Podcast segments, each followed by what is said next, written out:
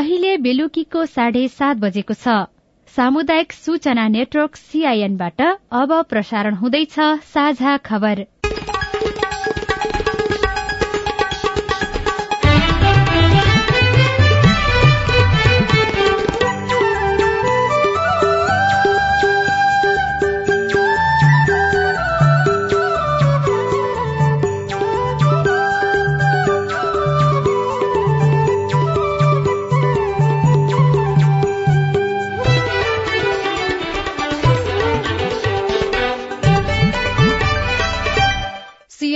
साझा खबरबाट सोभिता रिसालको नमस्कार। साझा खबर देशभरिका सामुदायिक radio CIN Khabar dot com र मोबाइल एप सीआईएनमा पनि सुन्न सकिन्छ।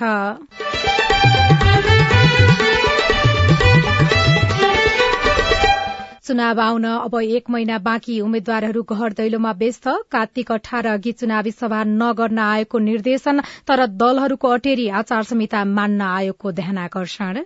यो पक्षमा ध्यानकर्षण अथवा स्पष्टीकरण सोध्नु पर्ने हो भने आयोगले त्यो कदम पनि चाल्ला। तर अहिलेसम्म दलहरूले केही मानेको केही चाहिँ लुकाई छिपाई गरेको जस्तो चाहिँ देखिन्छ।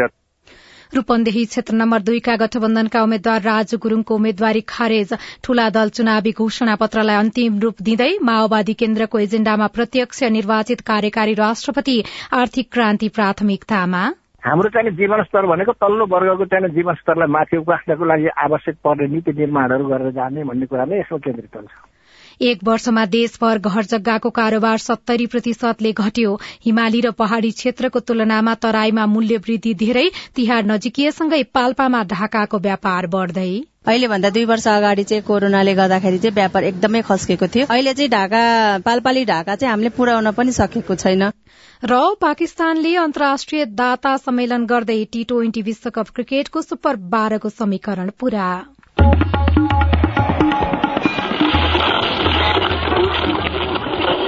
सयौं रेडियो। हजारौं रेडियो कर्मी र करोड़ौं नेपालीको माझमा यो हो सामुदायिक सूचना नेटवर्क सीआईएन प्रतिनिधि सभा र प्रदेश सभाको निर्वाचन आउन एक महिना मात्रै बाँकी छ। निर्वाचन आउनै लाग्दा निर्वाचन आचार संहिता उल्लंघनका घटना बढ़न थालेका छन्। अझ आचार संहिता उल्लंघनको अभियोग दलका शीर्ष नेताहरूमाथि नै लाग्न थालेको छ। आचार संहिता भनेको सो नियम पनि हो। सबैले यसको पालना गर्नै पर्छ। अन्यथा लोकतन्त्रको सबैभन्दा सुन्दर पक्ष मानिने आवधिक निर्वाचनमाथि नै प्रश्नहरू उठ्न सक्छन्। मंगिर चारमा हुने प्रतिनिधि सभा र प्रदेशसभा निर्वाचन आउन अब तीस दिन मात्र बाँकी छ। निर्वाचन आउन एक महिना बाँकी रहेको अवस्थामा निर्वाचन आयोग र राजनैतिक दलहरू तयारीमा तीव्र रूपमा लागेका छन्। निर्वाचन आयोगले आचार संहिता अनुसार कार्तिक अठार अघि प्रचार प्रसारको लागि ठूला चुनावी सभा नगर्न सचेत गराएपछि उम्मेद्वारहरू हाल घर दैलो अभियानमा जुटिरहेका छन्।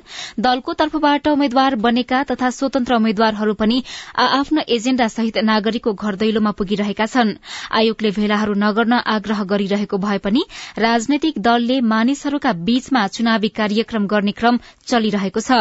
पाँच दलीय गठबन्धनले आज पोखरामा गरेको कार्यकर्ता भेलालाई सम्बोधन गर्दै प्रधानमन्त्री समेत रहनुभएका कांग्रेसका सभापति शेरबहादुर देउवाले गठबन्धनमा शंका पैदा हुने काम नगर्न नेता कार्यकर्तालाई आग्रह गर्नुभयो। हामीले गठबन्धनका पार्टीहरू माओवादी केन्द्र एकीकृत समाजवादी र चाहिने संयोजन मोर्चा लगायतका पार्टीहरूलाई हामीले कुनै पनि किसिमको शङ्का उपशङ्का गर्नु हुँदैन र काङ्ग्रेसबाट काङ्ग्रेस सबै साथीभाइ अनुरोध छ कुनै पनि हालमा फर्म सिर्जना गर्ने काम गर्नु हुँदैन। नभए हामीलाई नै सबभन्दा भन्दा नोक्सान हुनेछ। गठबन्धनमा शंका पैदा गर्ने मत भिन्नता ल्याउने कुनै पनि काम नगर्न पनि उहाँले नेता कार्यकर्तालाई आग्रह गर्नुभयो। यस्तै सत्तारूढ़ गठबन्धनले आज रूपन्देहीमा गरेको कार्यक्रममा नेकपा माओवादी केन्द्रका अध्यक्ष पुष्पकमल दाहाल प्रचण्डले सत्तारूढ़ गठबन्धन चुनावपछि पनि निरन्तर रहने बताउनुभयो। उहाँले चुनावपछि गठबन्धन सकिन्छ भन्ने भ्रममा नपर्न सत्तारूढ़ दलका नेता कार्यकर्तालाई आग्रह पनि गर्नुभयो।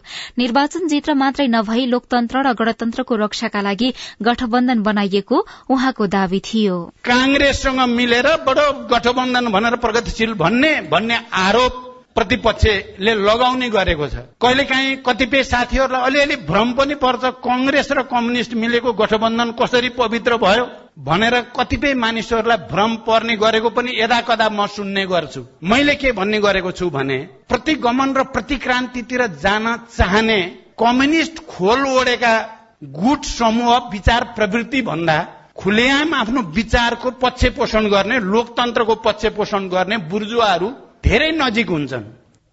आयोगले भने यस्ता खालका चुनावी भेलाहरू कार्तिक अठार अघि नगर्न सचेत गराएको छ। सीआईएनसँग कुराकानी गर्दै निर्वाचन आयोगका सहायक प्रवक्ता सूर्य प्रसाद अर्यालले भन्नुभयो औपचारिक रूपमै घोषणा गरेर आम सभा यो ठाउँमा यसरी भनेर जुन गरिया छ त्यस्तो खालको अपेक्षा आचार संहिताले गरेको छैन।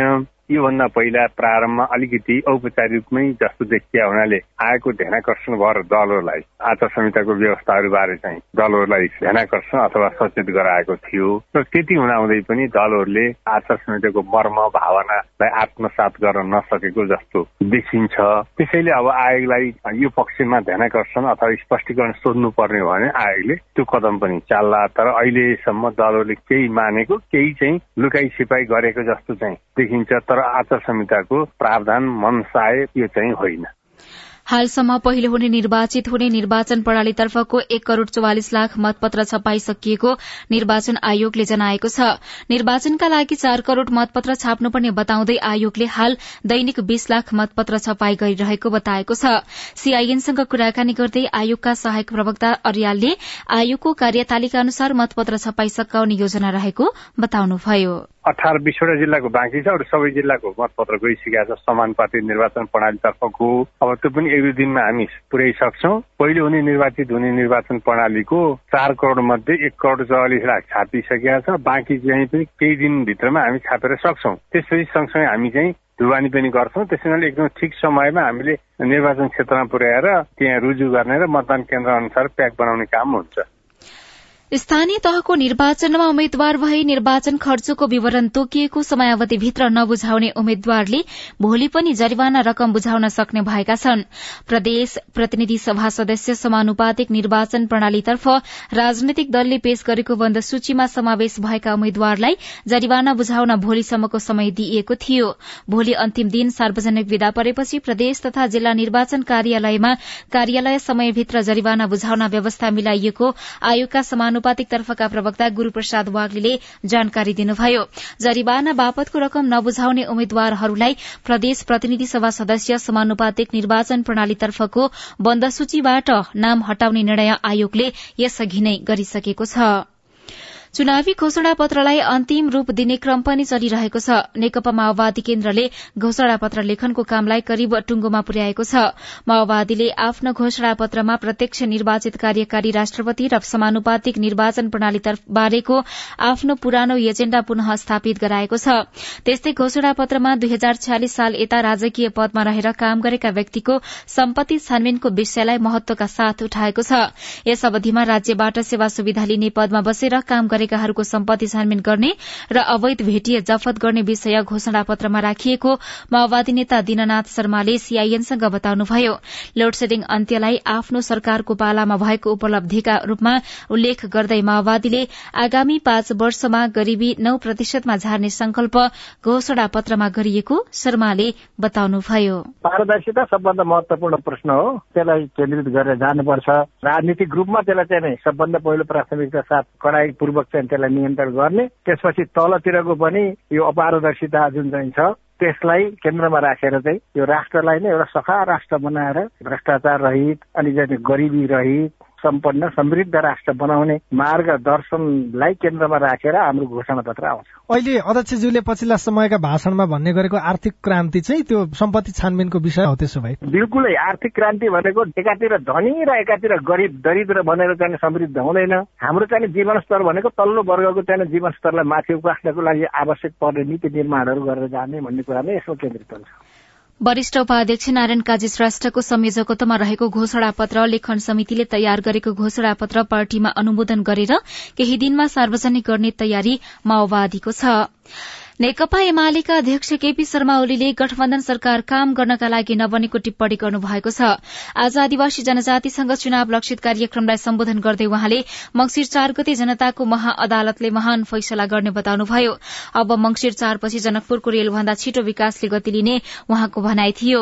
अदालतले सरकार हटाए जस्तो नहुने भन्दै अध्यक्ष ओलीले सत्ता गठबन्धनलाई कटाक्ष समेत गर्नुभयो। रूपन्देही क्षेत्र नम्बर दुईका गठबन्धनका उम्मेद्वार राजु गुरूङको उम्मेद्वारी खारेज गर्ने निर्वाचन आयोगको निर्णयलाई सदर गर्दै सर्वोच्च अदालतले यस अघिको अल्पकालीन अन्तरिम आदेश पनि खारेज गरेको छ। आयोगले ब्याङ्किङ कसुरमा सजाय पाएका र अदालतमा मुद्दा खेपिरहेका नेकपा यसका उम्मेद्वार गुरूङको प्रारम्भिक सुनवाई गर्दै न्यायाधीश मुद्दा खेपिरहेका गुरूङको उम्मेद्वारी निर्वाचन ऐन दुई हजार चौहत्तर बमोजिम खारेज गरेको थियो। त्यस विरूद्ध गुरूङले दायर गरेको रिटको प्रारम्भिक सुनवाई गर्दै न्यायाधीश विश्वम्भर श्रेष्ठको एकल इजलासले सो निर्णय कार्यान्वयन नगर्न अल्पकालीन अन्तरिम आदेश दिएको हो। आज दुवै पक्षको बहसपछि न्यायाधीश ईश्वर खतिवड़ा र कुमार रेग्मीको इजलासले गुरूङको उम्मेद्वारी कानून विपरीत देखिएको भन्दै अल्पकालीन अन्तरिम आदेश निरन्तर जान नसक्ने भनेको हो। सर्वोच्चको यो आदेशसँगै गुरूङको उम्मेद्वारी खारेज भएको छ। एक वर्षमा देशभर घर जग्गाको कारोबार करिब सत्तरी प्रतिशतले घटेको छ। भूमि व्यवस्थापन तथा अभिलेख विभागका अनुसार गत आर्थिक वर्षको असोजमा एक लाख अडसठी हजार छ सय नौवटा घर जग्गाको कारोबार भएकोमा चालु आर्थिक वर्षको सोही अवधिमा यो संख्या घटेर चौहत्तर हजार आठ सय पचासमा सीमित भएको छ।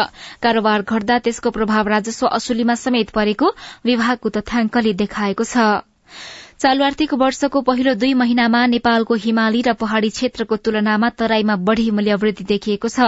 नेपाल राष्ट्र ब्याङ्कले सार्वजनिक गरेको चालू आर्थिक वर्षको पहिलो दुई महिना अर्थात साउन र भदौमा आर्थिक विवरणमा उपभोक्ता मूल्यवृद्धि पाँच दशमलव एक पाँच प्रतिशत बिन्दुले वृद्धि भएको छ।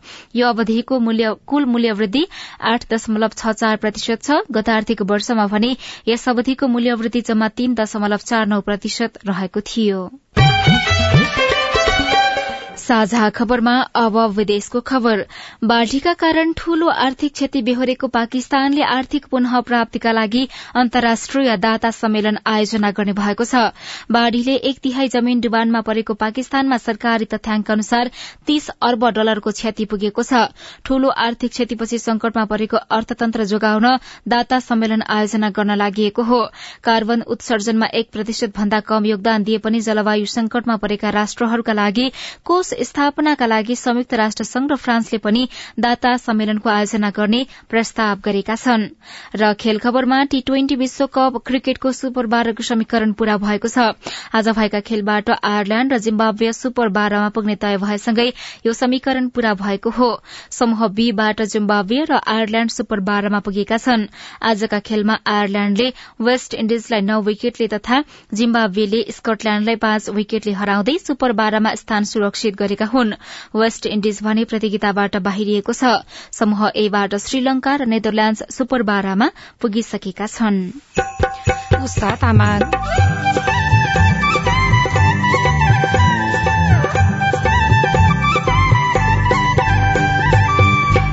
तिहार नजिकिँदै गर्दा पालपाली ढाकाको माग बढ़्यो। मान्छेले रुचाउँछ नि त तपाईँको काठमाडौँ बस्ने पनि रुचाउँछ पोखरा बस्ने पनि पालपाली ढाकाबाट भन्छ सबैले होइन? त्यो यसको आफ्नै महत्व र परिचय छ। ढाका व्यवसायी खुशी रिपोर्ट। बाजुरामा सहुलियत पसल खुल्दा खाद्यान्न सस्तो। कर्णाली राजमार्ग अवरूद्ध भएपछि हिमाली जिल्लामा महँगी बढ़्यो। लगायतका सामग्री बाँकी नै छ। सीआईएनको साझा खबर सुन्दै गर्नुहोला।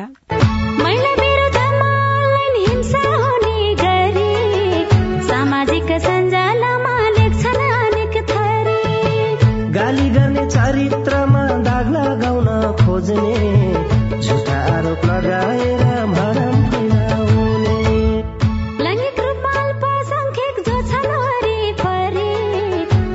थरी हिंसा गर्छन् होच्याउने गरी। नजिस्काउनु शरीर र योनि हेरी। कानुनको राजनीतिमा लागेकाको आधा धरती रुवा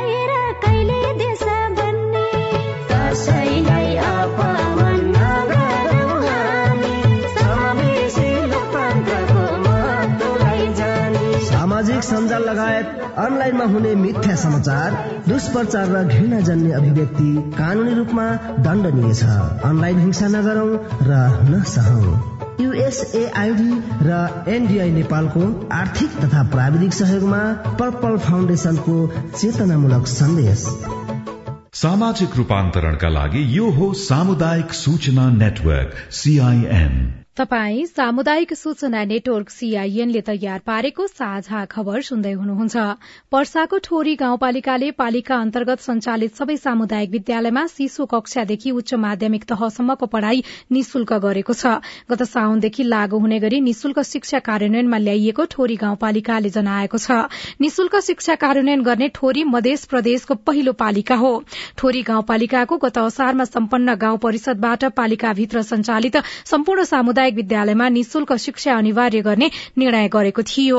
सोही अनुसार नै गत साउनदेखि शिक्षाको नाममा अभिभावकबाट कुनै शुल्क नउठाइएको गाउँपालिकाको शिक्षा शाखा प्रमुख भूपाल जोशीले बताउनुभयो। विद्यालयले निजी स्रोतबाट कर्मचारी र शिक्षक भर्ना गर्नुपर्ने भएकाले खर्च जुटाउन विभिन्न शीर्षकमा सामुदायिक विद्यालयहरूले अभिभावकसँग रकम लिने गर्दै आएकोमा यस वर्षदेखि पालिकाले नै सम्पूर्ण खर्च बेहोर्ने भएको नारायणी एफएम वीरगंजले खबर पठाएको छ। मेलम्ची खानेपानी विकास समितिले कार्तिक महिनाभित्रै उपत्यकामा पानी ल्याउने गरी आवश्यक सुधार र तयारीको काम गरिरहेको छ। पानी ल्याउन सामान्य सुधारका काम मात्रै गर्नुपर्नेछ आयोजनाका कतिपय संरचना आयोजनासम्म पुग्ने सड़क र पुल नबन्दासम्म तत्काल मर्मत गरेर पानी ल्याउन लागि समितिका प्रवक्ता राजेन्द्र प्रसाद पन्तले बताउनुभयो। पालपाली ढाकाको कपड़ा देशभरि नै परिचित छ। तिहार नजिकिएसँगै पालपाली ढाका टोपी र ढाकाजन्य सामग्रीको व्यापार बढ़ेको छ। तिहार आउँदै गर्दा पाल्पामा पनि ढाकाको व्यापार बढ़िरहेको हो। पाल्पाको ढाका देश विदेशमा परिचित रहेको छ। दुई हजार पन्ध्र सालमा गणेशमान महर्जनले एउटा तानबाट शुरू गर्नुभएको ढाकाको उत्पादन पाल्पामा अहिले निकै बढेको छ। उत्पादन बढे अनुसार बिक्री पनि बढ़िरहेको छ। अहिले चाहिँ यसको उत्पादन पनि वृद्धिका साथै माग पनि बढ्न आएको छ।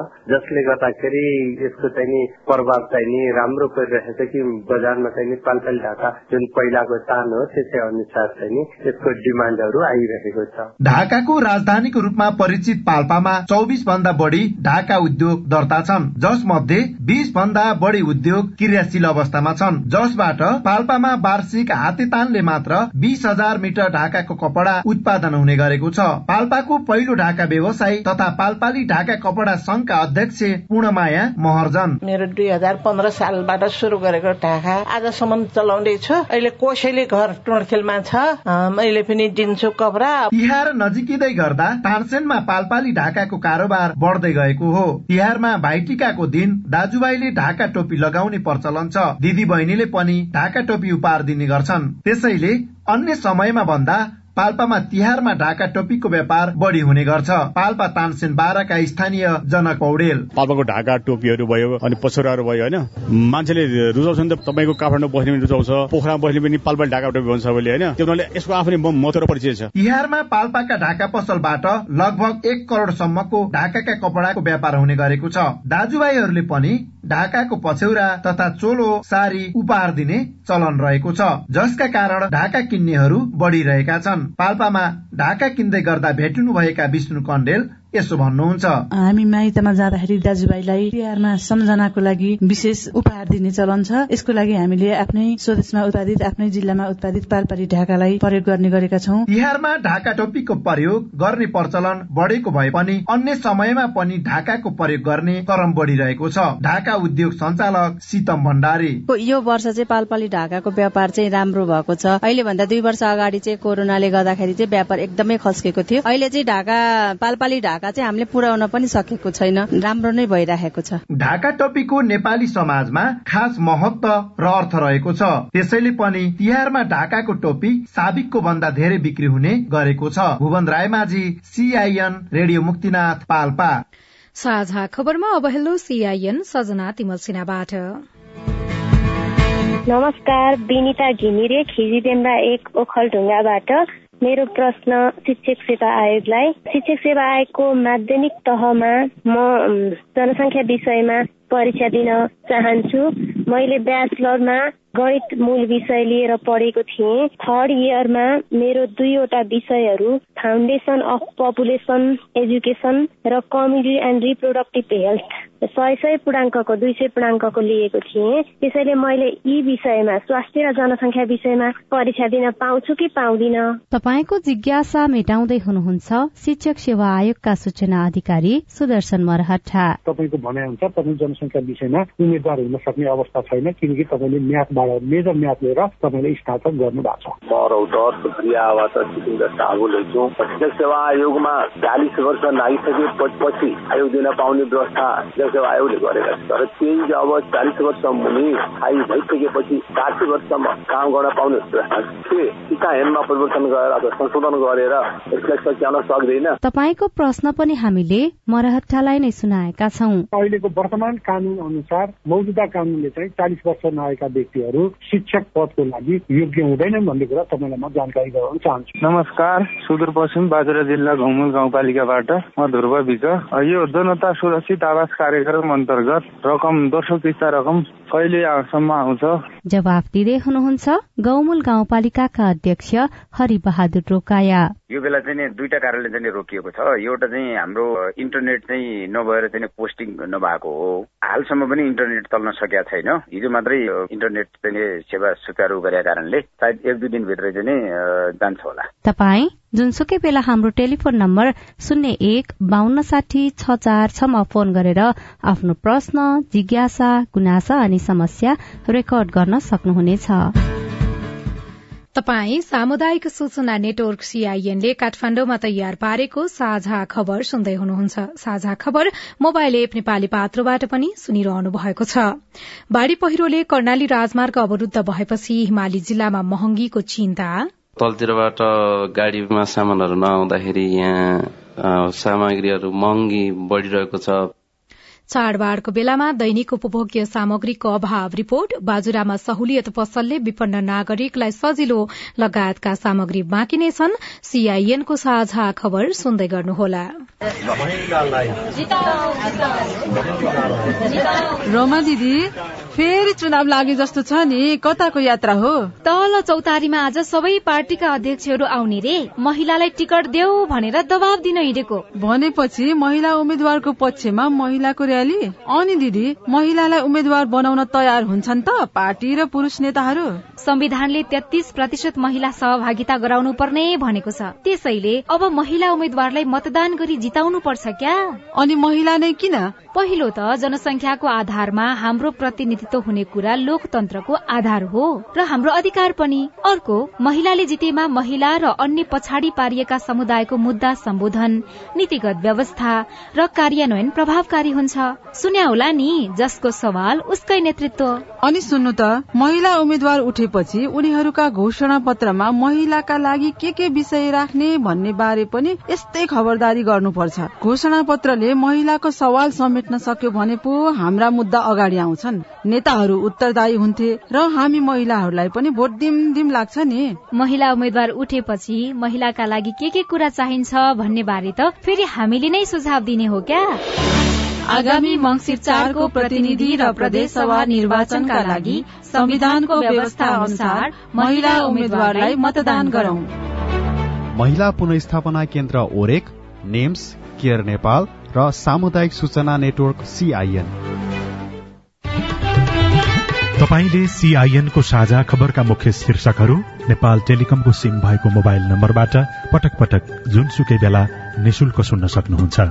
तीन दुई एक शून्य शून्य डायल गर्नुहोस् र दैनिक समाचार स्वास्थ्य कोविड उन्नाइस कृषि मौसम प्रकोप र अधिकारका बारेमा पनि निशुल्क सुन्नुहोस्। तीन दुई एक शून्य शून्य सूचनाको संचार सामाजिक रूपान्तरणका लागि यो हो सामुदायिक सूचना नेटवर्क सीआईएन तपाई सामुदायिक सूचना नेटवर्क सीआईएनले काठमाण्डुमा तयार पारेको साझा खबर सुन्दै हुनुहुन्छ। दशैं तिहार लक्षित गरी असोज दुई गतेबाट सञ्चालन गरिएको सहुलियत पसलले बाजुराका उपभोक्तालाई सजिलो बनाएको छ। खाद्य व्यवस्था तथा व्यापार कम्पनी लिमिटेड शाखा कार्यालय कोल्टी र मार्तडीले चाडपर्व लक्षित सहुलियत पसल सञ्चालनमा ल्याउँदा निम्न वर्गका उपभोक्ता खुशी भएका छन्। बाजुराको जगनाथ गाउँपालिका दुईका देवीनाथ एगी सहज र सहुलियत रूपमा खाद्यान्न पाउँदा खुशी हुनुहुन्छ। विगतमा दिनभरि पालो पर्खेर चामल किन्नुपर्ने बाध्यता रहेको सम्झँदै यसपालि सहुलियत पसलले सजिलो भएको बताउनुभयो। खाद्य व्यवस्था तथा व्यापार कम्पनी लिमिटेड मार्तडीलाई एक हजार दुई सय र कोल्टी डिपो कार्यालयलाई एक हजार तीन सय क्विन्टल चामल सहुलियतमा बिक्री वितरण गर्न अनुमति छ। चाडपर्वलाई लक्षित गर्दै सहुलियत दरमा चामल बिक्री वितरण गर्दा विपन्न नागरिकलाई केही राहत भएको बताउनुहुन्छ। बुढी नन्दा एकका मनवीर लवार। एकदमै खुसी छौँ। हामी चौध सय सत्तरी रुपियाँ पर्थ्यो भने अहिले हामीले एक केजी बापत सात रुपियाँ छुट पाएका छौँ। सात रुपियाँ छुट पाए बापत हामीले अहिले बाह्र सय साठी रुपियाँमा हामीले तिस केजीको चामल हामीलाई उपलब्ध नेपाल खाद्य संस्थानबाट भएको छ। प्रति केजी उनपचास रुपियाँमा बिक्री हुँदै आएको अरूवा मोटो चामलमा सात रूपियाँ छुट दिएको छ। चाडपर्वकै बेला सस्तोमा पाएपछि यसपटक चामलको खपत पनि बढेको छ। डिपो कार्डले कुल्टीका प्रमुख भीम बहादुर बुढा। सुरु चाहिँ हामीले यो असोजको दुई गतिदेखि दिन सुरु गऱ्यौँ एक गतिदेखि भनेको अब देशभरि अब एक गति थियो अनि हामीले चाहिँ यहाँ दुई गतिदेखि सुरु गरेर कोल्टी डिपोले चाहिँ तपाईँको तेह्र सय कुइन्टल छुट्टाएको छ। कोल्टी डिपोबाट सहुलियतमा तेह्र सय कुइन्टल बिक्री गर्नुपर्ने हामीले। पहिला त कम थियो दिनमा दस क्विन्टल बाह्र क्विन्टल जान्थ्यो भनेपछि अहिले सहुलियतमा बस्दै धेरै गएको छ तपाईँको दिनमा अस्सी नब्बेजना धेरै गइरहेछ अहिले। बाजुराका विभिन्न चारवटा पालिकालाई लक्षित गर्दै सहुलियत पसल सञ्चालन गरिएको छ। यसरी सहुलियतमा खाद्यान्न बिक्री वितरण गर्दा आर्थिक अवस्था कमजोर भएका नागरिकले राहत महसुस गरेका छन्। शर्मिला रोकाया सीआईएन रेडियो बुढी नन्दा कोल्टी बाजुरा। अविरल वर्षापछिको बाढ़ी पहिरोले कर्णालीमा धनजनको ठूलो क्षति गर्यो। कर्णालीका हुम्ला जुम्ला कालीकोट मुगु र डोल्पाको जीवन मार्ग मानिएको कर्णाली राजमार्ग असोज उन्नाइस गतेदेखि अवरूद्ध छ। चाडपर्वको समयमा कर्णालीका पहाड़ी तथा हिमाली पाँच जिल्लाका नागरिकले अघोषित नाकाबन्दीको मार खेपिरहेका छनृ। कर्णाली राजमार्ग लामो समय अवरूद्ध हुँदा माथिल्लो कर्णालीका जिल्लाहरूमा समस्या शुरू भएको छ। दैनिक उपभोग्य सामग्री ढुवानी नहुँदा उपभोक्ता मारमा परेका छन् भने यात्रु अलपत्र छन्। स्थानीय राजु राउत। स्थानीयलाई धेरै अप्ठ्यारो परेको छ जस्तै अब तलतिरबाट गाडीमा सामानहरू नआउँदाखेरि यहाँ सामग्रीहरू महँगी बढ़िरहेको छ पेट्रोलियम पदार्थको अभाव छ। सुर्खेत नेपालगंज जानेहरू यतिकै अल्पत्र बढ़िरहेका छ दैलेखको दही खोलादेखि मुगुसम्म ठाउँ ठाउँमा सड़क भत्किएको छ। ठूला ठूला पहिरोले सड़क अवरूद्ध छ। नागमा गमगढ़ी सड़क खुलाउन रात दिन काम भइरहेको छ। सत्रवटा ठूला मेसिन तैनात छन्। अवरूद्ध सड़कको पच्चीस प्रतिशत काम बाँकी रहेको सड़क डिभिजन कार्यालय जुम्लाका प्रमुख राजीव श्रेष्ठ बताउनुहुन्छ। दही खोलादेखि हाम्रो जुम्ला खलङ्गासम्मको बाटोमा चाहिँ पहिरो काम जारी छ। त्यसमध्ये चाहिँ दही खोलादेखि सेरीघाटसम्मको बाटो सुचारू छ। अलिकति त्यो ब्लास्टिङ गर्नुपर्ने भएको भएर अलिकति काम अलिकति स्लो भएको छ होइन। सबभन्दा हाम्रो चाहिँ लाइफ लाइनको रूपमा रहेको यो कर्णाली राजमार्ग नखुलाइकन अन्यत्र हामीले ध्यानै केन्द्रित गर्न पाएका छैनौँ होइन? दशैं पछिको अविरल वर्षाले जुम्लाका धेरै गाउँमा बाढ़ी पहिरोको समस्या निम्तियो। प्राकृतिक विपदमा परि जुम्लामा मात्रै दस जनाको मृत्यु भयो। मार्सी फल्ने फाँटहरू बगर बनेका छन्। सरकारले जुम्ला सहित पाँच जिल्लालाई विपद संकटग्रस्त क्षेत्र घोषणा गरेकोले विपद जोखिम तथा क्षति न्यूनीकरण र व्यवस्थापनमा सघाउ पुग्ने अपेक्षा गरिएको छ। जुम्लाका प्रमुख जिल्ला अधिकारी मुकेश कुमार केसरी। हाम्रो संकटग्रस्त क्षेत्रको घोषणा गरिसकेपछि हाम्रो केन्द्रमा चाहिँ राष्ट्रिय विपद जोखिम न्यूनीकरण तथा प्राधिकरण छ। त्यो प्राधिकरण मार्फत चाहिँ के हुन्छ यहाँ विज्ञका टोलीहरू आउँछन्। उहाँहरूले यहाँको चाहिँ के छ भन्दाखेरि बस्तीहरूको अवस्था माटोको अवस्था पहिरो जाने अवस्था पनि जोखिमको पहिचान गर्नुहुन्छ र जोखिम पहिचान गरिसकेपछि के हुन्छ? कसरी बस्तीलाई स्थानान्तरण गर्ने हो? कसरी पुनर्निर्माण गर्ने हो? त्यो किसिमको सबै अध्ययन गरेर रिपोर्ट बनाएर त्यो हिसाबको बजेट निकास भएर पुनर्निर्माणको प्रक्रिया अघि बढ्नेछ। जुम्लाको एउटा नगरपालिका सहित आठै पालिकाले राहत उद्धार र पुनर्स्थापनाका लागि काम गरे। अझै पनि विस्थापित नागरिकलाई सहयोग गर्ने काम भइरहेको छ। जिल्ला समन्वय समिति जुम्लाका प्रमुख गौरी नन्द आचार्य। प्रत्येक गाउँपालिकाबाट दुई दुई लाख रुपियाँ तत्काल राहतको लागि उठाउनु हो नगरपालिकाले चार लाख रुपियाँ गरेर त्यो राहत कोष पनि जम्मा भएको छ। अहिले हिमा गाउँपालिकाबाट बाटो सुधार्न शुरू भयो। हिमा गाउँपालिकाले शुरू गर्यो। उता कनिका सुन्दरी गाउँपालिकाले शुरू गर्यो। सिंजा भेगको बाटो धैर्य भएर सामना गर्न सबैको कर्तव्य पनि छ। प्रदेश प्रहरी कार्यालयका अनुसार बाढ़ी पहिरोमा परि कर्णालीमा सैतिस जना नागरिकले ज्यान गुमाएका छन् भने दस हजार भन्दा बढ़ी नागरिक विस्थापित भएका छन्। कर्णालीका दस जिल्लाका एघार सय अडतिस घरमा पूर्ण क्षति सोह्र सय बाह्र घरमा आंशिक क्षति भएको छ भने चौध सय तिरासी घरधुरी बाढ़ी पहिरोको उच्च जोखिममा रहेका छन्। मानबहादुर कुँवर सीआईएन रेडियो खुल्ला आकाश जुम्ला। चुनाव आउन अब एक महिना मात्रै बाँकी रहँदा उम्मेद्वारहरू घर दैलोमा व्यस्त भएका छन्। कार्तिक अठार अघि चुनावी सभा नगर्न आयोगले निर्देशन दिएको छ तर दलहरूले अटेरी गरेका छन्। रूपन्देही क्षेत्र नम्बर दुईका गठबन्धनका उम्मेद्वार राजु गुरूङको उम्मेद्वारी खारेज भएको छ।